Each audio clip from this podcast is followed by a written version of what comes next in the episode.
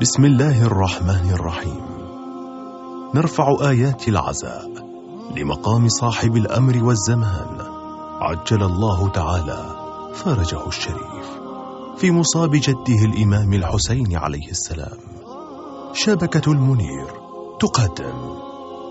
محاضرة العلامة السيد منير الخباز. دام عطاؤه لليلة الرابعة والعشرين من شهر محرم الحرام. لعام 1438 للهجرة النبوية وذلك بحسينية مسلم بن عقيل بدولة الكويت.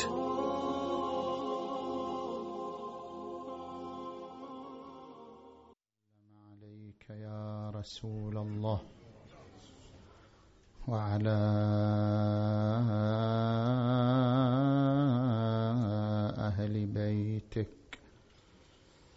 المنتجبين يا ليتنا كنا معكم فنفوز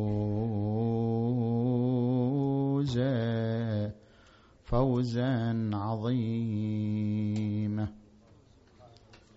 أعوذ بالله من الشيطان الغوي الرجيم.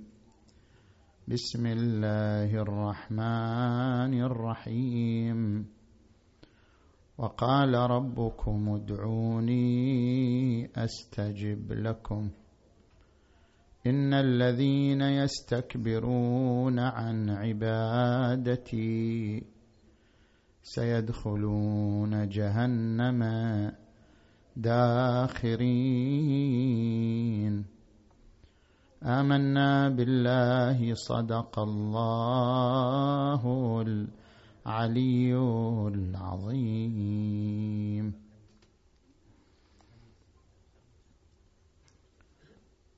انطلاقا من الآية المباركة نتحدث في محورين. في تحليل مبدأ السببية وفي بيان فلسفة الدعاء. نجي إلى المحور الأول. قانون السببية الذي يقرر أنه ما من حادث إلا وله سبب. هذا القانون لا يشمل الله تبارك وتعالى.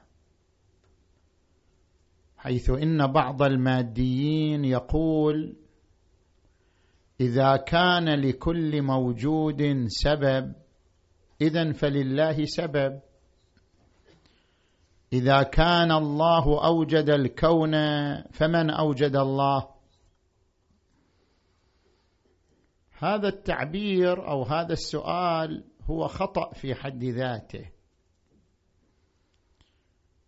لأن السببية إما أن يراد بها السببية التكوينية الخارجية. فالسببية الخارجية الله خالقها والصانع لا يخضع لما صنعه. هو الذي صنع السببية الخارجية. فكيف يكون مشمولا لما صنعه وكيف يكون خاضعا لما صنعه. وأما السببية العقلية أي قانون السببية فما يحكم به العقل ليس كل موجود له سبب. هذا خطأ في التعبير. ما يحكم به العقل كل حادث له سبب. العقل لا يقول كل موجود له سبب. العقل يقول كل حادث له سبب. والله ليس بحادث كي يكون له سبب بل هو واجب الوجود.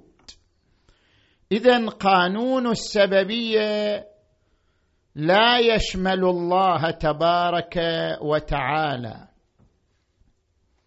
وبالتالي فقانون السببية في الكون كله هو عبارة عن سببية تفويضية وليس سببية مستقلة.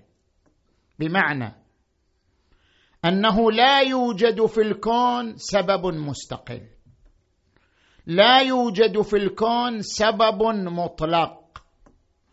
كل ما في الكون من الأسباب فسببيته مستقاة ومعطاة من قبل الله تبارك وتعالى. فلا توجد سببية استقلالية أو سببية مطلقة. السببية الاستقلالية والمطلقة لله تبارك وتعالى. ما سواه سببيات تفويضية أي أن الله فوض إليها وأعطاها بإذنه سببية. سواء كانت سببية تكوينية أو سببية غيبية. يعني مثلا إذا بلغت درجة حرارة الماء مئة فإنه يغلي في الظروف الطبيعية. سببية بلوغ الحرارة مئة للغليان سببية تكوينية لأنها ليست سببية استقلالية. سببية ناقصة سببية تفتقر لإرادته تعالى ولإذنه وليست سببية استقلالية. وكذلك السببية الغيبية مثلا سببية الخشوع في الصلاة للانتهاء عن الفحشاء والمنكر. قد أفلح المؤمنون الذين هم في صلاتهم خاشعون. الخشوع في الصلاة سبب غيبي لأمر غيبي ألا وهو الانتهاء عن الفحشاء والمنكر. هذه السببية أيضا ليست سببية استقلالية بالنتيجة هي سببية معطاة. من قبل الله تبارك وتعالى. فكل سببية في الوجود ترجع لإرادته تعالى ترجع لإذنه تعالى. وإلا فليس لسبب أن يعمل أو يؤثر دون إذنه أو إرادته. وهذا مقتضى قيوميته على كل موجود في هذا العالم. قال تعالى ألا له الخلق والأمر. له ملك السماوات والأرض.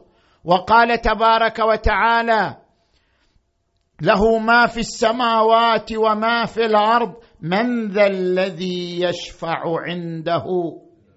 مو المقصود بالشفاعة الشفاعة يوم القيامة.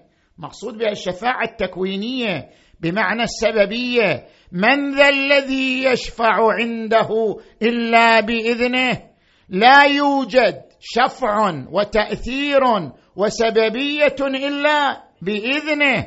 وقال في آية أخرى ثم استوى على العرش يدبر الأمر ما من شفيع إلا بإذنه. من هنا يطرح سؤال حول مبدأ السببيه وهذا السؤال يتعلق بالمعجزات التي ظهرت على يد الأنبياء والأئمة صلوات الله عليهم أجمعين. هل أن المعجزه خارجه عن قانون السببية؟ هل أن المعجزه تحدث بلا سبب أم لا؟ مثلا القرآن الكريم يتحدث عن عيسى بن مريم عليه وعلى نبينا وآله أفضل الصلاة والسلام ورسولا إلى بني إسرائيل أني قد جئتكم بآية من ربكم أني أخلق لكم من الطين كهيئة الطير فأنفخ فيه فيكون طيرا بإذن الله. صنع عيسى للطير من الطين. هذه معجزة.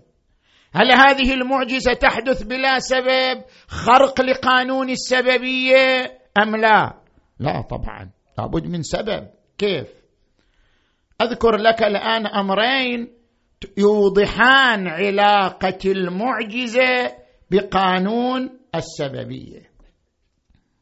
الأمر الأول أن المعجزة أمر حادث ولكل حادث سبب. فالمعجزة لا تخرج عن قانون السببية.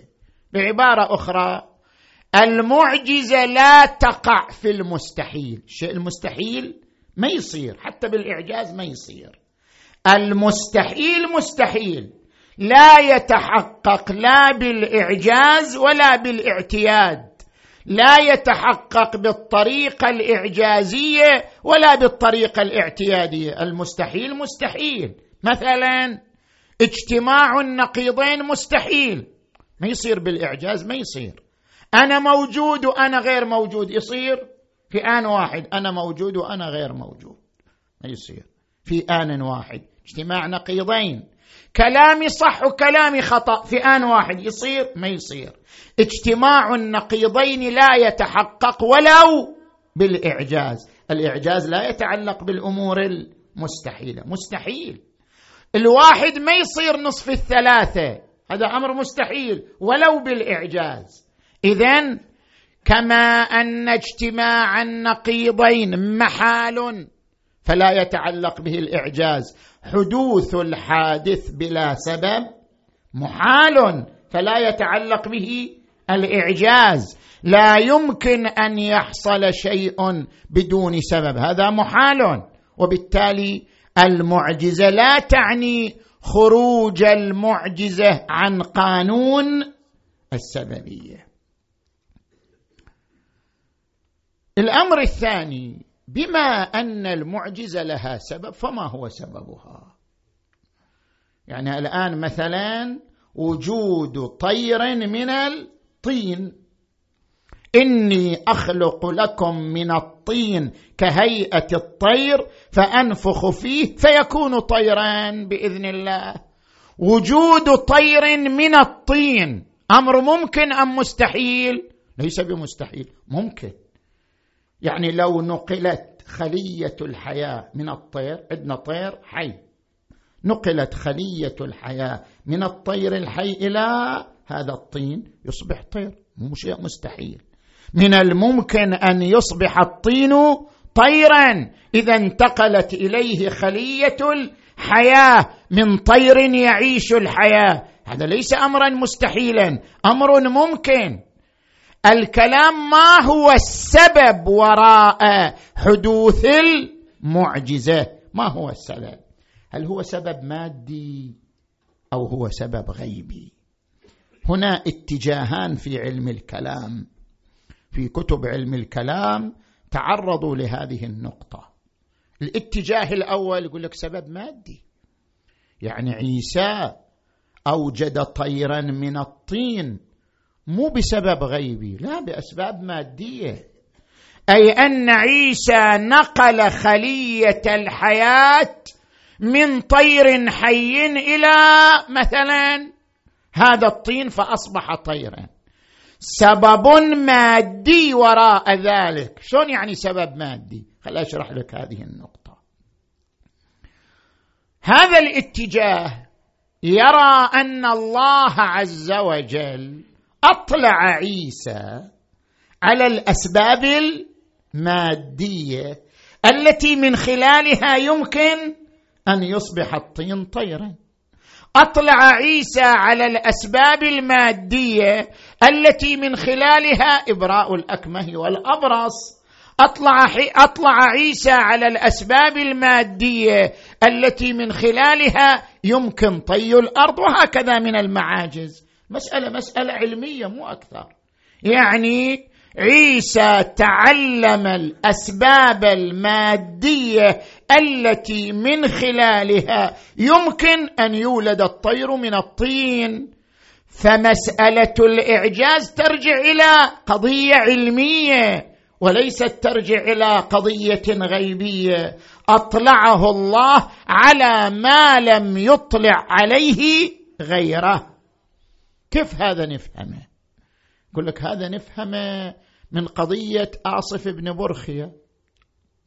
آصف بن برخيه ماذا قال؟ القرآن يخبر عن قصة سليمان مع وزيره آصف قال أيكم يأتيني بعرشها؟ عرش بلقيس من اليمن إلى فلسطين. أيكم يأتيني بعرشها قبل أن يأتوني مسلمين؟ قال عفريت من الجن أنا آتيك به قبل أن تقوم من مقامك. قال الذي وهو آصف قال الذي عنده علم. المسألة مسألة علم. قال الذي عنده علم من الكتاب أنا آتيك به قبل أن يرتد إليك طرفك. علم. طبعا المقصود بالكتاب الكتاب التكويني لأن عندنا كتاب تشريعي وهو القرآن. ذلك الكتاب لا ريب فيه هدى للمتقين. وعندنا كتاب تكويني كما في قوله تبارك وتعالى يمحو الله ما يشاء ويثبت وعنده. أم الكتاب. قال الذي عنده علم من الكتاب. يعني عنده معرفة بأسرار الحياة عند معرفة بأسرار الوجود. مسألة مسألة علمية. آصف بن برخية يمتلك ثقافة بأسرار الوجود وأسرار الحياة. استخدم هذه الأسرار استخدم هذه الأسباب المادية وأتى بعرش بلقيس من اليمن إلى فلسطين. كما أطلع الله آصف على الأسباب المادية للنقل أطلع الله عيسى على الأسباب المادية لإيجاد الطير من الطين. مسألة مسألة علمية مادية. ربما يستدل على هذا الاتجاه بالعقل والنقل. أما بالعقل يقول لك طيب هي المعجزة أمر مادي. صح لا؟ وجود طي وجود طير من الطين قضية مادية. ولكل مسبب سبب من سنخه. بما أن المسبب مادي اذا السبب مادي. اذا يحتاج إلى سبب مادي. هذا من ناحية العقل. وأما من ناحية الناقل ظاهر مجموعة من الآيات أن كل شيء مادي إلى قدر معين لا يخرج عنه. قال تبارك وتعالى ومن يتق الله يجعل له مخرجا ويرزقه من حيث لا يحتسب ومن يتوكل على الله فهو حسبه. إن الله بالغ أمره قد جعل الله لكل شيء قدرا. يعني جعل إلى حدود مادية لا يتعداها. وقال تبارك وتعالى وإن من شيء إلا عندنا خزائنه وما ننزله لا بقدر معلوم. وقال تعالى وخلق كل شيء فقدره تقديرا. اذا كل شيء إلى حدود. ومن حدوده الماديه أن سببه مادي. فبما أن المعجزه شيء مادي اذا سببها مادي. اذا ما تميز به عيسى عن غيره أنه اطلع على أسرار المادة وكيفية استخدام الأسباب إلى أن وصل إلى النتيجة وغيره لم يطلع على ذلك. فإن قال طيب إذا هالشكل ممكن بكرة العلم يتقدم صح لو لا؟ ويقدر ينقل خلية الحياة من طير حي إلى طير طيني وصير معجزة عيسى شيء عادي لأن العلم توصل إليها. أو مثلا ما قام به آصف بن برخيا نقل عرش من منطقة إلى منطقة بعيدة افترض بينهما ثلاثة آلاف كيلو. نقل هذا العرش من الذهب والفضة من هذه المنطقة إلى تلك المنطقة خلال ثانية واحدة. يمكن العلم أن يصل في المستقبل إلى هذه القدرة. اذا سوف يصبح الإعجاز امرا نسبيا. يعني ما صنعه عيسى كان معجزه بالنسبة إلى زمانه. لكن إذا تمكن العلم من ذلك تخرج المعجزة عن كونها معجزة. الفرق بين الطريق العلمي والطريق الإعجازي. أن الطريق العلمي حتى لو توصل العلم يفترض العلم توصل في المستقبل إلى أن يولد من الطين طير. وكما يقولون الآن فرضية علمية قاعد يشتغلوا عليها أن يولد الإنسان من دون أب يولد من خلية انثويه من خلية من جسد أمه. ممكن. الآن قاعد فرضية علمية يبحث في تحققها بحيث ما تصير قضية عيسى بن مريم قضية مثلا إعجازية ونادرة. يمكن أن يولد الإنسان من غير أب من دون الحويمن المنوي. المهم لو توصل العلم مستقبلا إلى أنه يمكنه بطريق علمي أن يوجد من الطين طيرا. ممكن. مع ذلك يبقى فرق. شلون؟ الطريق العلمي طريق تدريجي. قد يصيب وقد يخطئ. أما الطريق الإعجازي وإن كان طريقا ماديا طريق دفعي صائب لا لا يخطئ. فيبقى الفرق بين الطريق العلمي والطريق الاعجازي ثابتا حتى لو توصل العلم إلى الأسباب المادية التي من خلالها يولد الطير من الطين. هذا الاتجاه الأول. الاتجاه الثاني وهو المعروف بين علماء الكلام الاتجاه الثاني أن لا الإعجاز لا ينشأ عن سبب مادي عن سبب غيبي. وإن كانت المعجزة امرا ماديا بمعنى أن النفس النبوية القدسية هي العلة والسبب في ولادة المعجزة. هذه النفس القدسية لعيسى بن مريم هذه النفس القدسية لمحمد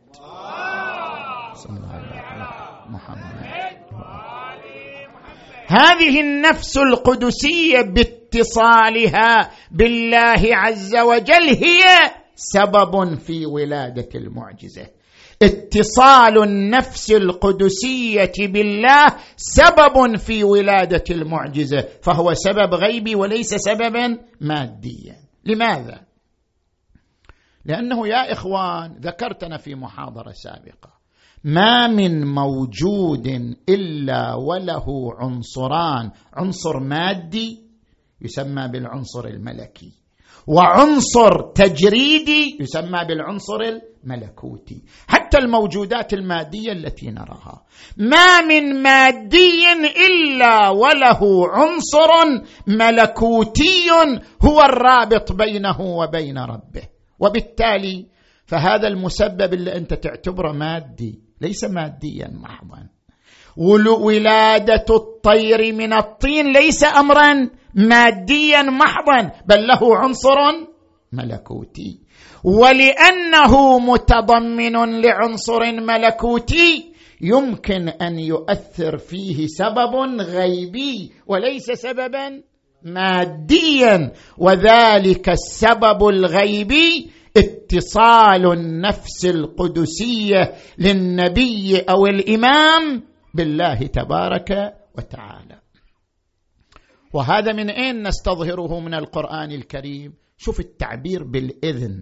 إني أخلق لكم من الطين. إني إني. يعني أنا عندي عندي قدرة على ذلك. فقط تحتاج إلى اذنه تعالى إني أخلق لكم من الطين كهيئة الطير فأنفخ فيه فيكون طيرا بإذن الله. تعبير بإذن الله يعني المقتضي تام. ما بقي إلا الإذن والمشيئة أي أن نفس النبي مقتض لحصول الأمر فقد تحتاج إلى الإذن والمشيئة. وأكو آية أخرى أوضح من ذلك. قوله عز وجل كتب الله لأغلبن أنا ورسلي.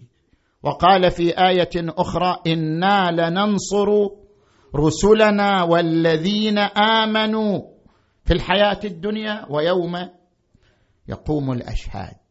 كيف ينصر رسله وكيف رسله غالبون؟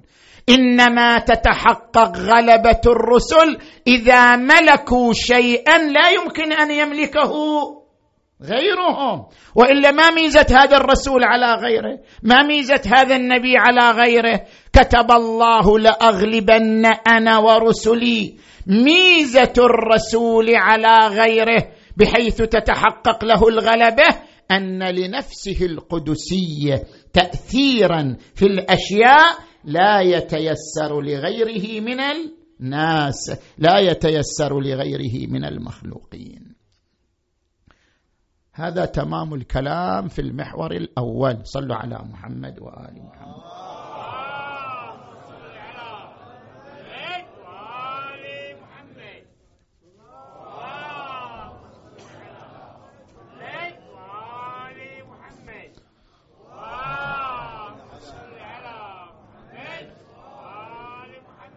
المحور الثاني فلسفة الدعاء.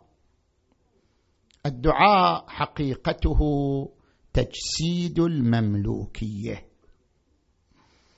نحن ملك لله عز وجل. نحن واجدون لمملوكية تكوينية لله عز وجل. الدعاء هو أن نبرز تلك المملوكية. هو أن نجسد تلك المملوكية في أبداننا في أيدينا. الصلاة تجسيد للمملوكية. الدعاء تجسيد للمملوكية. قل ما يعبأ بكم ربي. لولا دعاؤكم لولا إبراز هذه المملوكية. لذلك هناك رواية جميلة جدا عن الإمام الباقر عليه السلام. يقول ما بسط عبد يديه وهو يدعو. إذا تدعو يكون تبسط يديك. ما بسط عبد يديه وهو يدعو إلا استحيا الله أن يردهما صفرا حتى يجعل فيهما شيئا من فضله ورحمته. فإذا دعا أحدكم فلا يرد يده. حتى يمسح بها رأسه ووجهه. بسط اليد تجسيد للمملوكية. وكان رسول الله محمد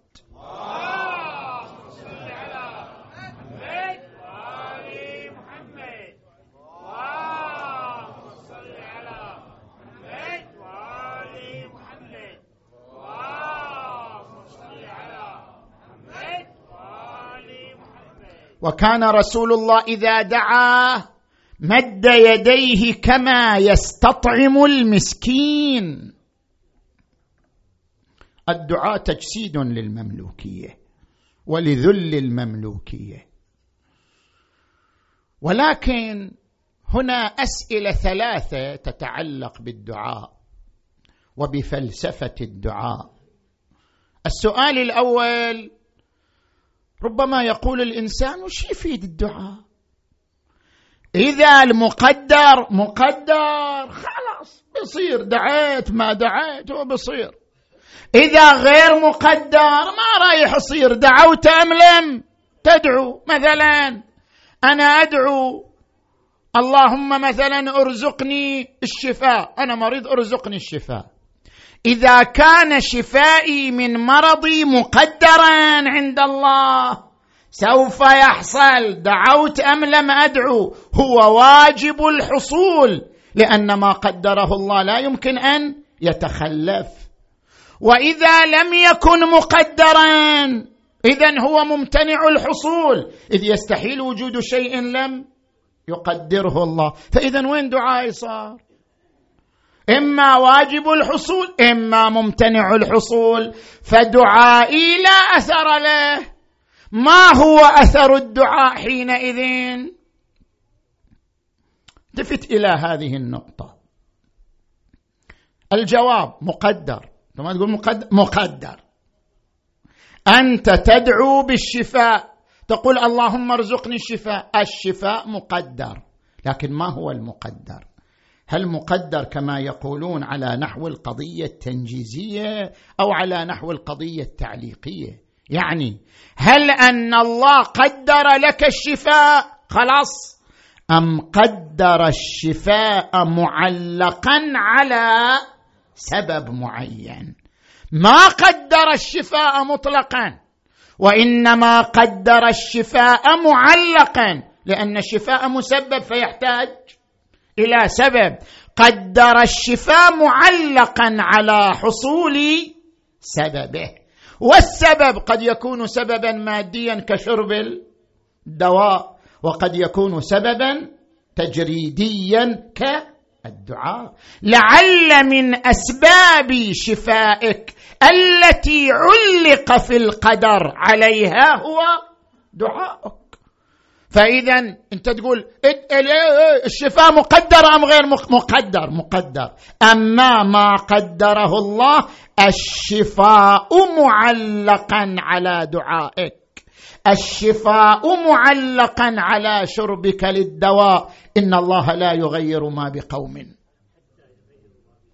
حتى يغيروا ما بأنفسهم. هذا نظير أعمالك الاختيارية. لأن واحد يقول أنا ليش أبادر للصلاة؟ نفس السؤال ليش أبادر إلى الصلاة؟ إن كان الله قدر أن أصلي سوف أصلي. أردت أو لم أرد؟ إن كان الله قدر أن لا أصلي يستحيل أن أصلي. أردت أم أرد؟ نقول لا. الله قدر لك الصلاة معلقة على إرادتك. فلما زاغوا أزاغ الله. قلوبهم. هو معلق عليك انت.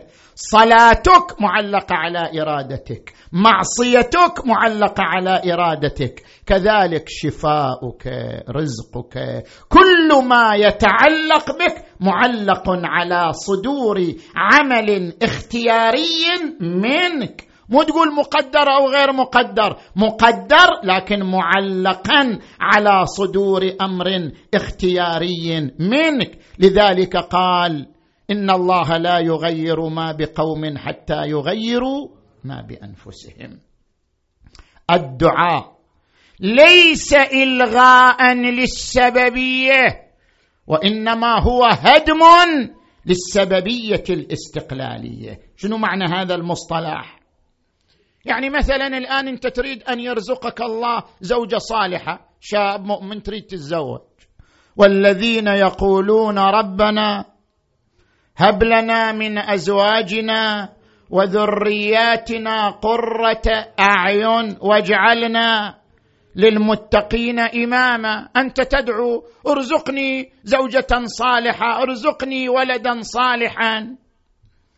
يعني يرزقك بدون سعي؟ بدون سبب مادي شو ينزل عليك من السماء؟ ما يصير. اذا بالنتيجة الدعاء ليس إلغاء للسببية. الدعاء اعتراف بأن هناك اسبابا مادية عليك أن تسعى نحو تحقيقها. أنت تطلب زوجة صالحة اسعى لأسباب ذلك.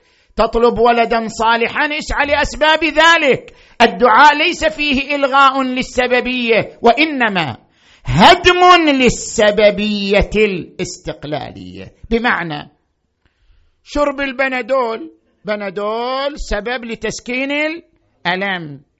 هل تعتقد أن شرب البنادول سبب مطلق لتسكين الألم؟ سبب تام لتسكين الألم سبب مستقل لتسكين الألم. إذا اعتقدت بذلك هذا شرك معنى أن هناك سبب في عالم الوجود غير الله تبارك وتعالى. ولكن الدعاء يعني أن شرب البنادول وإن كان سببا لتسكين الألم إلا أنه سبب ناقص تحتاج سببيته إلى إرادته تعالى. فبما أنني أقر أن الأسباب ناقصة اذا أنا أدعو الله كي يجعل السبب الناقص سببا تاما. فالدعاء ليس إلغاء للسببية اعتراف بالسببية لكنه هدم للسببية الاستقلالية. ولذلك ورد في الحديث الشريف لا يرد القضاء إلا الدعاء. وورد في الحديث الشريف إن الدعاء يدفع البلاء وقد أبرم إبراما. كيف يعني؟ يعني قد تجتمع الأسباب المادية. تجتمع الأسباب المادية نحو مرضك نحو موتك. إنسان يعبر الشارع بحسب الأسباب المادية تصيبه السيارة تقضي على حياته بحسب الأسباب المادية. ولكن الدعاء منع تأثير الأسباب المادية في مسببها. لا يرد القضاء إلا الدعاء. الدعاء مخ العبادة. هذا السؤال الأول. السؤال الثاني كثير من الماديين يطرح هذا السؤال. عندي صديق التقيت به في بريطانيا قال لي أنا ما أفهم وين وين الدعاء؟ وين أثره؟ شلون؟ قال أنا طبيب جراح وعندي زميل ملحد هم جراح. وكلانا يدخل المستشفى ويقوم بعمليات جراحية. وإحنا نتنافس كل يوم عمليتين ثلاث عمليات عملية حسب المطلوب. هو لا يؤمن بالدعاء ولا بالغيب ولا بالله وينجح. وأنا أؤمن بالدعاء وأنجح. ونتنافس على على النجاح. يوم هو ينجح أكثر يوم أنا أنجح أكثر. وهكذا. أين أثر الدعاء اذا أين أثر الإيمان بالغيب اذا يعني وبعبارة أخرى نجي مثلا إلى حبة البنادول وتسكين الألم. نقول هذه الحبة جربناها على مئة مليون مريض. ثمانين بالمئة من هؤلاء المرضى شفوا وسكن الألم منهم بحبة البنادول بدون دعاء. بدون دعاء سكن الألم. وعشرين بالمئة شربوا ولم يسكن الألم لكن لم يسكن الألم لا لأنهم لم يدعوا وإنما لوجود مانع صحي لوجود مانع لخلل جسدي منع من تأثير حبة البنادول. اذا أين جدوى الدعاء؟ البدن السليم إذا شرب هذه الحبة سكن الألم وإن لم يدعو والبدن المريض إذا شرب الحبه لم يسكن الألم وإن دعا. إذا فأين أثر الدعاء؟ الجواب. اولا هذا التحليل خطأ. القضايا الغيبية لا يمكن الوصول إليها بالمقياس المادي. أصلا ما تقدر. أنت كيف تعرف الدعاء أثر أو لم يؤثر؟ الدعاء أمر غيبي وتأثيره أمر غيبي. بما أن التأثير ملكوتي غيبي فلا يخضع للمقاييس المادية. فكيف يمكن نفيه أو إثباته عبر المقاييس المادية؟ أصلا هذا الكلام خطأ في حد ذاته. أنا أقول لا أثر للدعاء لأننا قمنا بتجربة مادية ولم نجد أثرا له. المفروض أن أثر الدعاء تأثير ملكوتي غيبي والتأثير الملكوتي الغيبي لا يمكن استكشافه لا نفيا ولا إثباتا من خلال المقاييس المادية. هذا اولا. ثانيا تعرضت أنا إلى محاضرة ضمن العشره الأولى من المحرم حول الإيمان بالغيب جدوى الإيمان بالغيب. الإيمان بالغيب الذي يتجلى من خلال الدعاء الدعاء عبارة عن الإيمان بالغيب. الإيمان بالغيب الذي يتجلى من خلال الدعاء. لا ينحصر أثره باستجابة الدعاء. يلا! يا تأثر حبة البنادول؟ يا ماكو ماكو غيب ماكو إيمان بغيب. لا ينحصر أثر الإيمان بالغيب باستجابة الدعاء وإنما الإيمان بالغيب له آثار تربوية جمة على شخصية الإنسان. الأثر الأول أن الإيمان بالغيب علاج للقلق. والذين آمنوا وتطمئن قلوبهم بذكر الله. ألا بذكر الله؟ تطمئن القلوب. ربما هذا الطبيب الذي ينجح في جراحته يعيش مشاكل قلقية. يعيش مشاكل توجب له قلقا وتارجحا وتذبذبا. لا علاج لها إلا التوكل على الله. أليس الله بكاف عبده؟ ومن يتوكل على الله فهو حسبه. هذا اولا. الأثر الثاني أن الإيمان بالغيب رادع عن الرذيلة. قلت له أنت شنو الفرق بينك وبين هذا الجراح؟ أنت إذا تعرضت لإغراء أو إثارة ما ترتكب المعصية لأنك تؤمن بالغيب.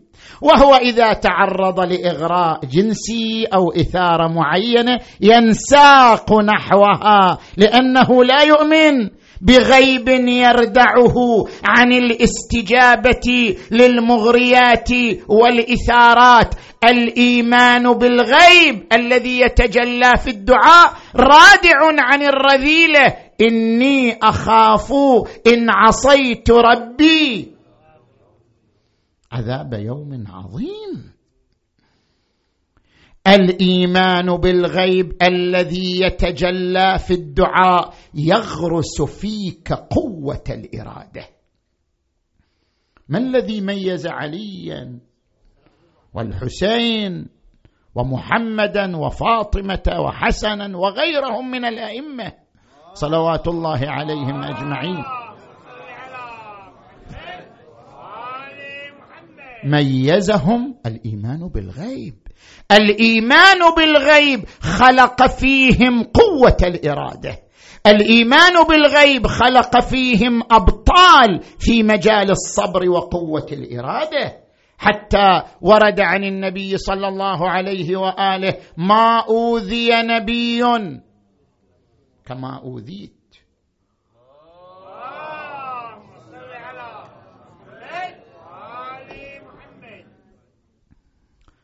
نجي إلى السؤال الأخير ونختم به. كثير من الناس يقول لك والله تعبنا. كل ما ندعو ندعو ندعو ما نشوف نتيجة. لا نرى أثرا للدعاء لا نرى استجابة للدعاء. فكيف نصدق قوله عز وجل وقال ربكم ادعوني؟ أستجب لكم. إن الذين يستكبرون عن عبادتي سيدخلون جهنم داخرين. وكيف نصدق قوله تعالى وإذا سألك عبادي عني فإني قريب. أجيب دعوة الداعي إذا دعاني. فليستجيبوا لي وليؤمنوا بي لعلهم يرشدون. كيف؟ أنا الآن بنقل لك الروايات. أنت من خلال الروايات تأمل.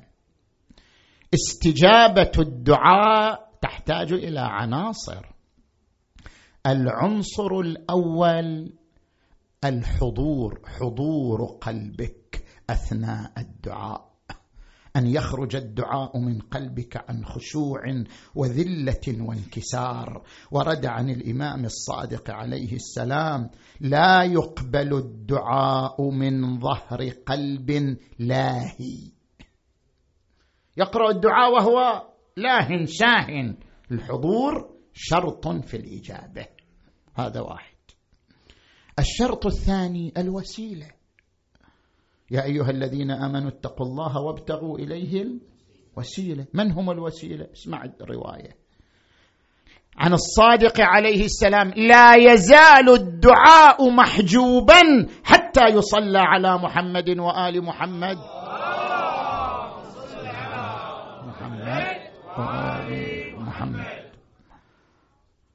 الرواية الثالثة الغيرية يعني شلون؟ يعني لا تدخل في الدعاء بأنانية. ارزقني واشفني وعافني واعطني واعطني واعطني. طول الوقت بس تشتغل أعطني واعطني. عش غيرية عش احساسا بالآخرين.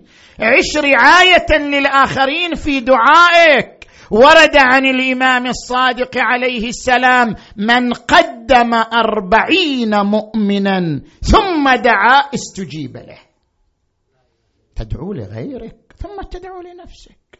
إيش نوع من الغيرية؟ زين؟ العنصر الرابع الأدب. الدعاء يحتاج لأدب مع الله. كيف هو الأدب؟ خلينا نقرأ هذه الرواية. قال رجل للإمام الصادق عليه السلام إن في القرآن آيتين أقرأهما ولا أجدهما. أنا أعرف الآيتين بس ما أجدهما. قال ما هما؟ قال أولاهما قوله تعالى وما تنفق من شيء وما تنفقوا من شيء فهو يخلفه. ونحن ننفق ولا يخلف الله علينا. قال أفترى الله قد أخلف وعده؟ قال لا. قال إذن؟ قال أنت قل لي. قال من أخذ المال من حله؟ طريق حلال. وأنفق في حقه. فما أنفق درهما إلا وقد أخلفه الله عليه. هذه من ناحية الآية الأولى. قال وثانيهما. قال ثانيهما قوله تعالى ادعوني. أستجب لكم. ونحن ندعو ولا يستجاب لنا. فقال أفترى الله أخلف وعده؟ قال لا. قال إذن الإمام يبين له. قال من أطاع الله فيما أمر. إنما يتقبل الله من المتقين. أما أنا بوسخ الذنوب وسخ المعاصي تملأني الأوساخ من قرني إلى قدمي وافرض على الله يا تستجيب دعائي يا كلامك ما إلى مصداقية وما إلى معنى. من أطاع الله فيما أمر ودعا الله من جهة الدعاء استجيب له. قلت وما جهة الدعاء؟ قال تذكر الله وتمجده. الحليم الكريم العظيم العليم. ثم تذكر نعمه عليك وتشكره. ثم تصلي على محمد وآل محمد.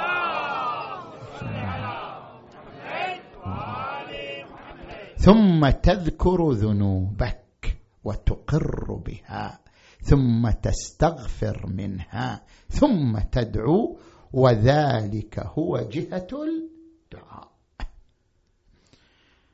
اذا الدعاء له عناصر له شروط له كذا فقوله تعالى وإذا سألك عبادي عني فإني قريب أجيب دعوة الداعي. ما قال أجيب دعوة الداعي وسكت؟ قال إذا إذا إذا دعاني. يعني إذا صدر منه الدعاء الحقيقي الجامع لشرائطه. إذا دعاني. وهذا زين العابدين. وهذه صحيفته السجادية. وهذه مناجاته وهذه الثروة العظيمة التي صدرت من الإمام زين العابدين علي عليه السلام في مجال الدعاء. زين العابدين يعلمنا كيف نستمطر الرحمة. زين العابدين يعلمنا في صحيفته كيف نرقق أرواحنا. يعلمنا في صحيفته كيف نضع النقاط على الحروف؟ نفوسنا تحتاج إلى أن نخبرها. نفوسنا تحتاج إلى أن نجلوها. نفوسنا تحتاج إلى أن نقرأها قراءة المحاسبة والمعاتبة. الإمام زين العابدين كما يروي عنه من رآه متعلقا بأستار الكعبة وهو يدعو وبكاؤه يسمعه من مر به. إلهي ما عصيتك إذ عصيتك وأنا بك شاك. شوف يتحدث عنا يتحدث عن أنفسنا يتحدث عن واقعنا. ما عصيتك إذ عصيتك وأنا بك شاك. ولا بنكالك جاهل ولا لعقوبتك متعرض ولا بأمرك مستخف ولكن سولت لي نفسي وأعانني عليها شقوتي وغرني بذلك سترك المرخى علي فأنا الآن من عذابك من يستنقذني. وبحبل من أتصل إن قطعت حبلك عني. فوا سوأتاه غدا من الوقوف بين يديك.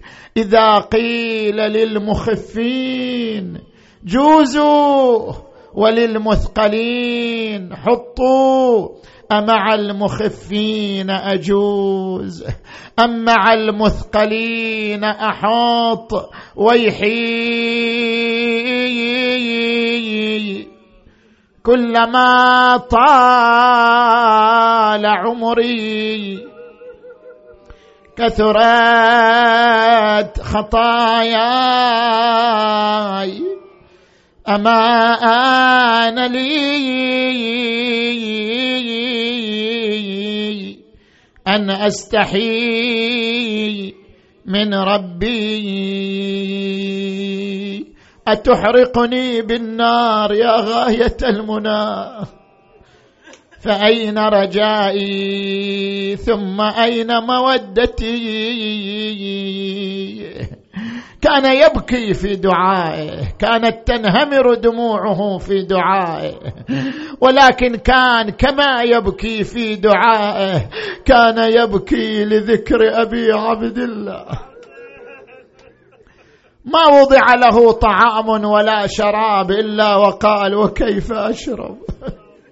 وقد ذبح أبي الحسين عطشانا كيف أذوق الماء وقد قتل أبي الحسين ظمانا ما هي أعظم المصائب على قلبك يا زين العابدين؟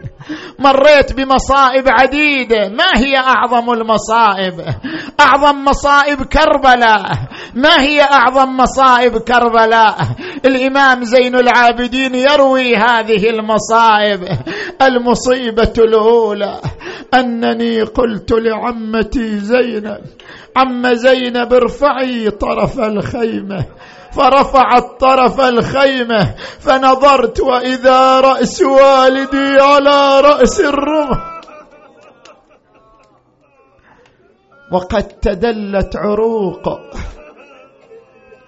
الله أكبر. كيف أخبر عمتي زينب ها؟ بهذا الخبر المفجع ها؟ التفت إليها. قلت عم زينب عظم الله لك الأجر. أحسن الله لك العزاء. ماذا جرى يا ابن أخي؟